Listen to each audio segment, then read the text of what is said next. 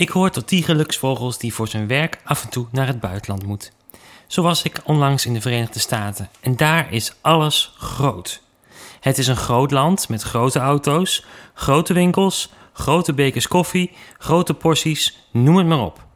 De Amerikanen snappen zelf ook wel dat niet alles wat groot is ook beter is, maar goed. Op een vrij moment besloot ik te gaan wandelen in de bergen. De stad waar ik was, was maar 45 minuten rijden van de Rocky Mountains.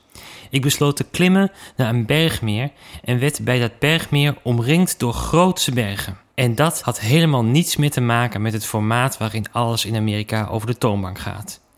Ik kon er niets aan doen, maar toen ik daar stond, moest ik denken aan Psalm 121. Ik sla mijn ogen op naar de bergen. Van waar komt mijn hulp? Mijn hulp komt van de Heer, die hemel en aarde gemaakt heeft.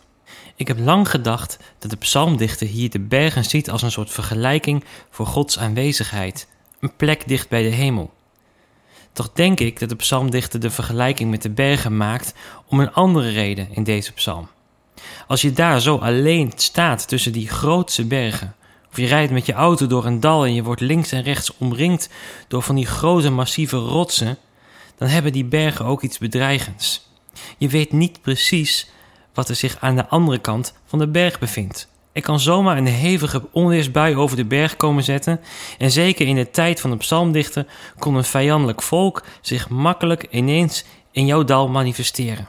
Zo'n berg kan dus letterlijk en figuurlijk een nogal groot obstakel zijn. Je weet het gewoon niet.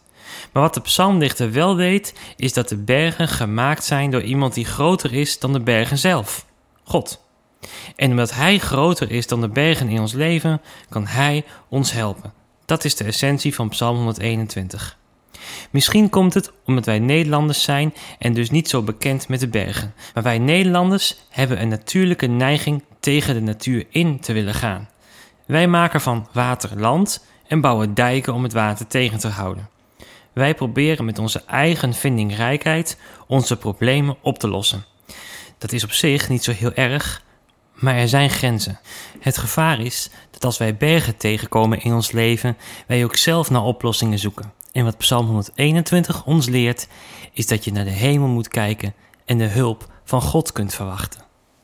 Want om bergen te verzetten is geloof nodig. Geloof dat de hoogste berg in ons leven niets voorstelt in het licht van Gods grootheid. Dus de volgende keer als er een berg opdoemt in jouw leven, kijk omhoog. Weet dat de Heer helpt en dat Hij groter is dan jouw bergen.